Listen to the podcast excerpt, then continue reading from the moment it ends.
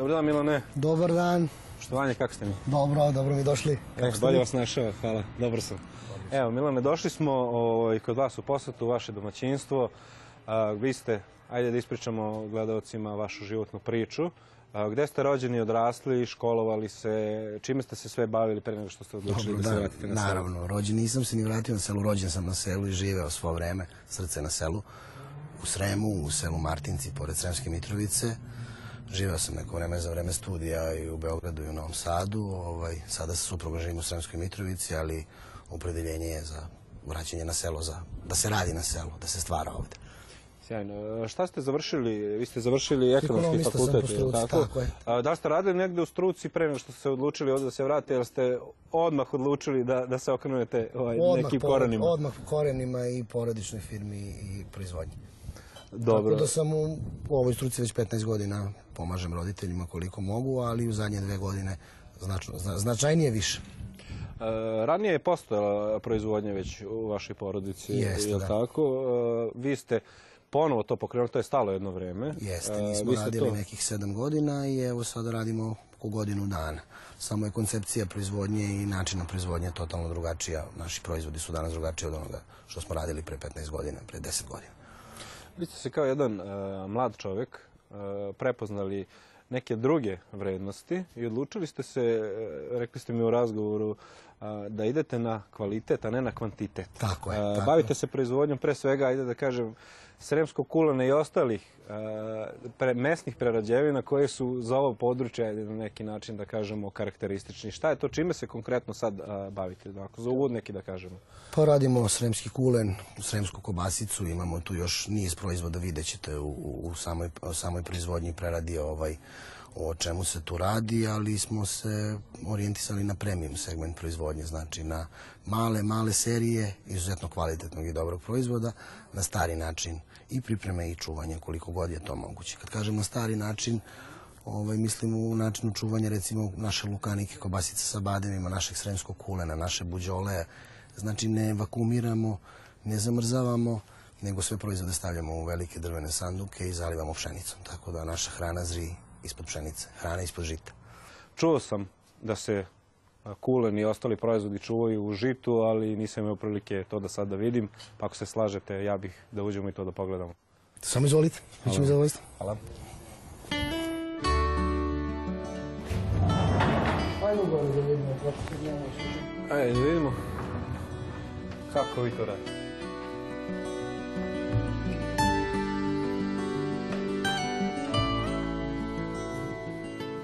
Posle obrade, prerade, punjenja, usoljavanja dolazimo i do dela jednog od najznačajnijih, a to je deo dimljenja.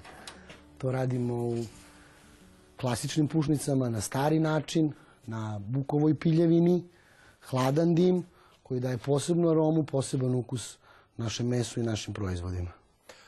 Šta sve imate od proizvoda, ajde da kažemo, na ovom mestu gde se sad nalazimo, konkretno, ko, šta je konkretno sad u pušnici, a šta je to što sve proizvodite? O, pa široka nam je lepeza proizvoda, ali konkretno sad u pušnici nam je ova naša kobasica sa bademima, lukanika se zove. Kobasica sirmijemska lukanika, sirmijemskih legionara sa krupno seckanim bademom i mediteranskim začinskim biljem. Zatim sremska kobasica, jedan deo kulena. Tako, trebalo bi da dobije još jedan dim i spremno je onda da ide na odležavanje i na zrenje. Sve ima različito vreme dimljenja. Sremska kobasica se dimi nešto, nešto kraće, lukanika mora nešto duže. Kulen 5 do 6 dimova sa razmacima od 2 do 3 dana. Znači svaki proizvod ima, ima svoju, ovaj, svoj način dimljenja. Kako šta ide.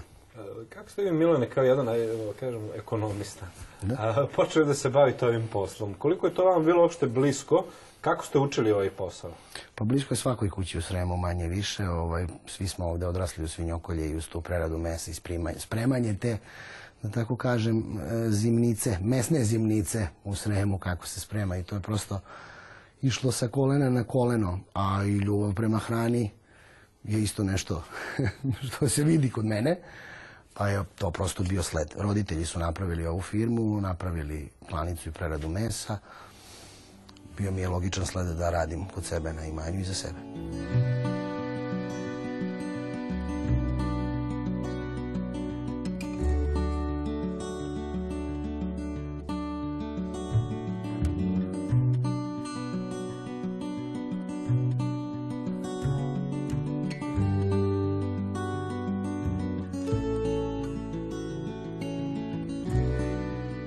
Kada se završi proces dimljenja, svi proizvodi moraju da idu na jedan deo sušenja, prirodnog sušenja na promaju, tavansku promaju najbolju i na odležavanje.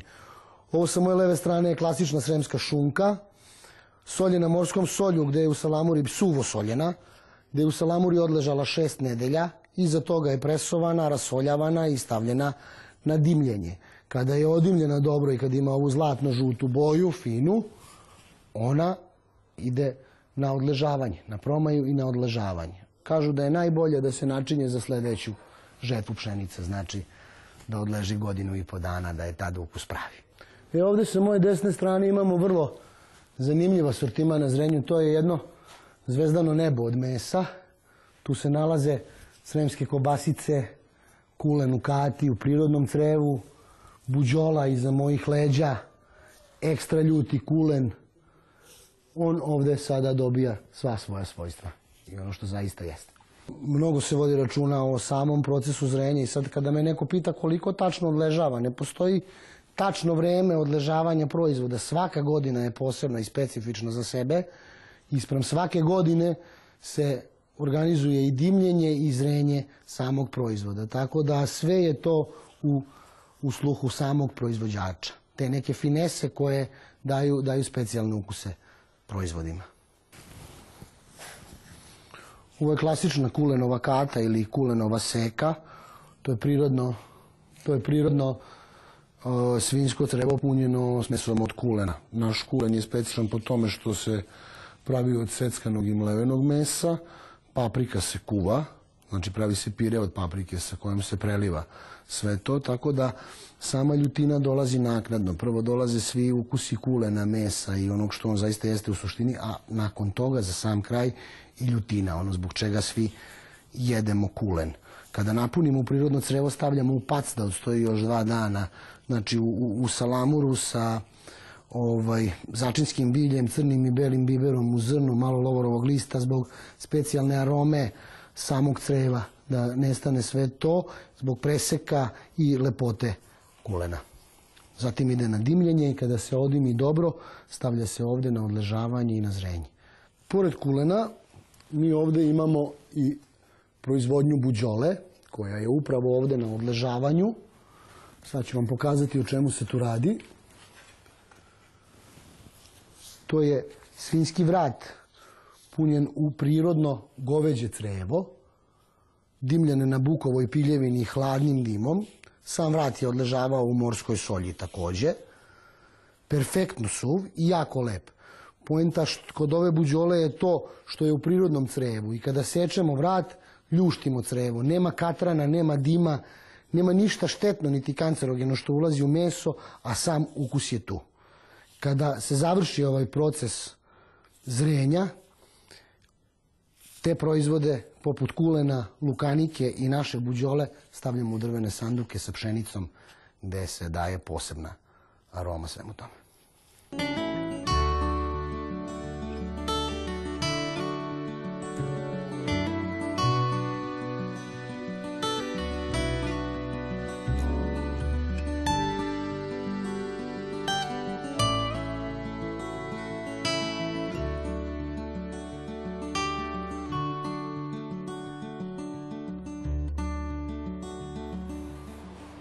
Gore si vam pomenuo da proizvode čuvaš svoje u žitu. Je li tako? Tako je, Sad smo da. došli do te kutije. Tako. A, ajde reci nam otprilike da možemo li pre svega vidjeti kako to izgleda i Kako da ne? da nam objasniš zašto se to čuva ovaj, baš u žitu. Pa to je stari tradicionalni način čuvanja hrane u Sremu, tako su naši preci čuvali hranu, odimljenu hranu u pšenici. Ovaj, kada nije bilo ni vakumiranja, kada nije bilo ni zamrzivača, kada se hrana nije zamrzavala, a mora nekako da se, da se sačuva. Sve samog čuvanja, a, da, da bi se hrana sačuvala kao takva, čuvanje u pšenici daje njoj i posebnu aromu. Samim tim što pšenica dehidrira, osušeno meso i, i daje pozitivnu i finu plesan i posebnu aromu ovaj, prilikom odležavanja. Evo ovo je jedan od naših sanduka, sanduk sa, naš sanduk sa blagom, sanduk sa, sa kulenom. To je kulen koji odležava u pšenici, on tek treba da dobije svoju, svoju patinu i svoju boju, ali je to nešto po čemu smo mi prepoznatljivi. Koliko Milane ovo, e, držite u pšenici ovo? Pa sada od, od, od, od, već od, od aprila, od početka aprila, pa tokom cele godine, tokom cele godine. Ovo su prve serije kulena, najmanje serije kulena, to su kulenove kate od 500-600 grama, znači koje prve dolaze za, za, za upotrebu i za, za konzumiranje, a imamo kati od kilograma i po dva, to su one kate koje čuvamo za, za kraj leta ili za, za početak jeseni kada krene berba kukuruza kažu da je kulen od 2 kg najbolji da se načne za branje kukuruza. Čuvamo i ovu našu lukaniku, kobasicu sa bademima, takođe u pšenici i buđolu koju ste videli gore, koja na odležavanju nju stavljamo u sanduke sa žitom.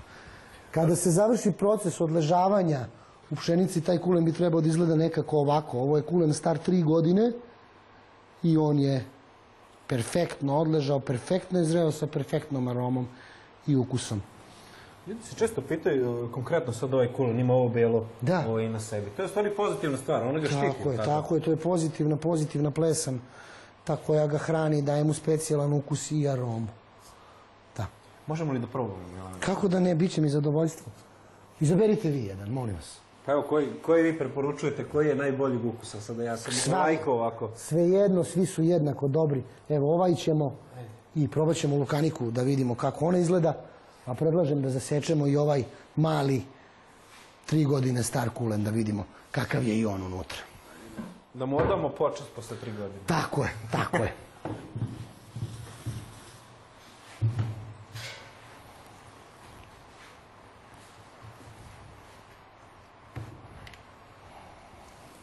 To je klasičan sremski kulen. Od seckanog i mlevenog mesa, kuvane paprike u prirodnom crevu koji odležava u pšenici. Sa minimalno masnoće, onoliko koliko mora. Masnoća mora da se dodaje u njega od 5 do 6 procenata da bi ga hranila i da se ne bi presušio. A ja predlažem da sada probate ono o čemu sam ja sada govorio. Izvolite. Ne, hvala vam. Da li ovo ljušti? Može da se ljušti, naravno, a može i da se jede, može da se jede tako prirodno je crevo, Aha. kako želite. Izgleda sjajno, pretpostavljam da je i ukus sjajan. Ukus je jednako dobar, vidjet ćete i sami. dijetalno? Kako da ne, kako da ne. Čemu da hoće? Koliko god želite. Sjajno je stvarno. Odlično. Hvala vam. Teo sam da vas pitam, vezano za ovo što spominjete, vašu čuvenu Da, kobasicu. da. A odakle ideja da počne ona da se proizvodi? Znači, tu idu badem i šta još ide od začine? Krupno seckani badem i mediteransko začinsko bilje u pitanju je jedinstveni proizvod, proizvod koji samo mi imamo, lukanika se zove. E, to je kobasica sirmijumska lukanika sada po gradu Sirmijumu, Sremska Mitrovica, stari rimski grad. To je kobasica sirmijumskih legionara. Nema nije nikakvih začina koji su nam došli sa otkrićem Amerike, niti Azije, puteva svile. Znači, svi začini koji su se koristili iz drugog veka pre nove ere i sada su tu. Ne baš svi, prilagođena je današnjem ukusu. Ona je, kažem, sa krupno seckanim bademom i mediteranskim začinskim biljem u prirodnom crevu. Naravno, pre 2000 godina ni nije bilo ništa veštačko. Veštačkih omotača. E, inače, ovo je kobasica koja je prva u Srbiji ponela žig zdrava hrana zelena jabuka za proizvod od mesa još davne 2007. godine i 2008. godine.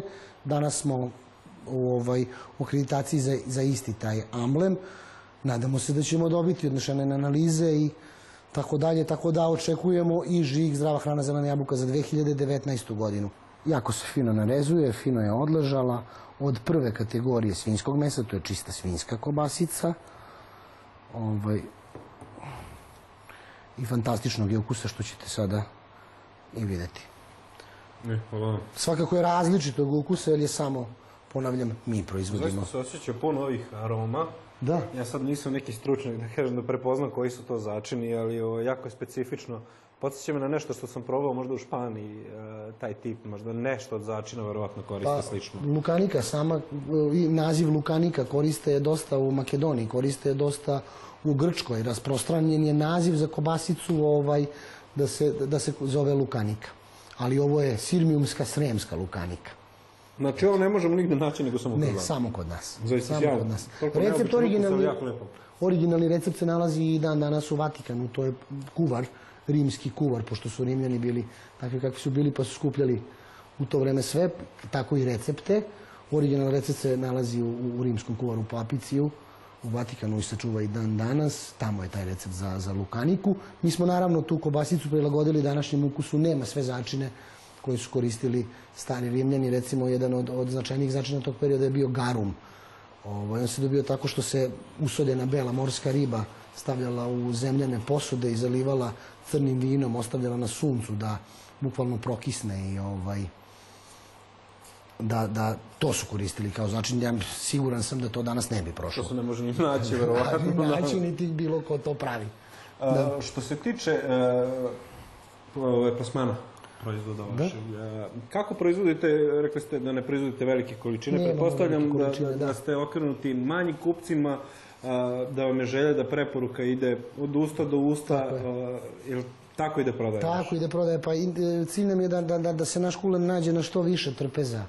Na što više trpeza da, da ljudi stvarno to probaju, da, da usklade svoj ukus i uvek ostavljamo i opciju da dođu kod nas kada to radimo, kada pravimo, kada pravimo sremsku kobasicu, kada pravimo čak dobro sa kulenom i sa lukanikom nema kalkulacije, one prosto se prave takve kakve jesu, ali dosta toga možemo da prilagodimo samom kupcu i samom samom potrošaču. Evo, jedna gospođa je na, na jednom od sajmova na kojima smo bili učesnici sada u proteklom periodu izrazila želju e, i prosto potrebu da na tržištu nema neljute sremske kobasice, znači kobasice za decu, Da. da bi klinci mogli da jedu, pa smo evo i to sada napravili. Evo Milane, ovde ovaj, vidim da ste zasadili, a, ovo su šljive, je li tako? Nisu, to je jedan mladi zasad voća. Ovo je nešto stariji, ovo su španske višnje, ima ih u redu preko 50, a ovo je ovogodišnji zasad voća, ima raznog voća, i šljive, i kruške, i rane, i kasne, i breskve, i trešnje, i ruštevi. Prosto onako da u svakom delu godine kako šta dozreva ima onako da se pojede i da se uživa u plodovima. Toga. To je, to je lepo imati e, za svoje, vidim da su već, po, već su počeli već da rađaju polako. Jesu, jesu, počele su da rađaju i bude onako fino za, i za nas i za naše goste, za decu koja se vraćaju iz škole, koje idu u školu, vole da ukradu voćku, prosto lepo je na selu. To je deo da ima- odrastanja, mislim, Tako tako, je, tako, tako smo i mi radili, pa red je da, da mi nešto njima damo ponovo. Uh, šta je u planu, da li planirate dalje da širite uh, još nešto od voća, da sadite, pored toga, mislim, što se bavite i ovim poslom, da nešto i drugo, ajde da kažem. Pa ideja je da se, da se uradi na ovom placu koji je isto naš jedan zasad e, kajsije i, i, i šljive, to je u nekom narednom periodu, jer pečemo i rakiju na stari kazan, dekin kazan, pravimo dobru šljivu i dobru, dobru kajsiju rakiju, pa eto, što da ne, to je neka ideja dalje. Uz ovu kuću koju smo planirali da pretvorimo u e, degustacioni centar, sada će videti kako to izgleda, prosto da prati voćke u raznorazne voćke, da stalno ima, da se, da se konzumira, da su fine, da su neprskane, domaće, onako kako to treba da bude, kako to jeste na selu. A, rekli ste mi da imate stari kazan Dekin, 80 godina, ali još uvek radi on dobro. Jeste, radi perfektno, da. To je mali kazan od 100 litara, ali pravi perfektnu rakiju. Ima dosta posla oko njega, ali rakija je fantastična. Sjajno. E, idemo sad dalje, e, da ispričamo gledalcima naše i vaše dalje planove. E, vezane su delimično za neku vrstu, da kažemo, seoskog turizma. Kupili ste kuću pored vašeg placa. Tako je. Pa bih se ja uputio tamo da pogledamo kako to izgleda i šta planirate tamo da Samo napravite. izvolite, bit će mi zaista. Hvala. Znači ovo je Ovo je to naša kuća, da. Stara nemačka čerpićar, ubijačka. Ti pa nešto sad da dozidavaš, tako? Pa, da, da. Taj degustacioni Sjajan, centar. sjajan, ovaj, Sjajni potencijal, film. da. Izvolite.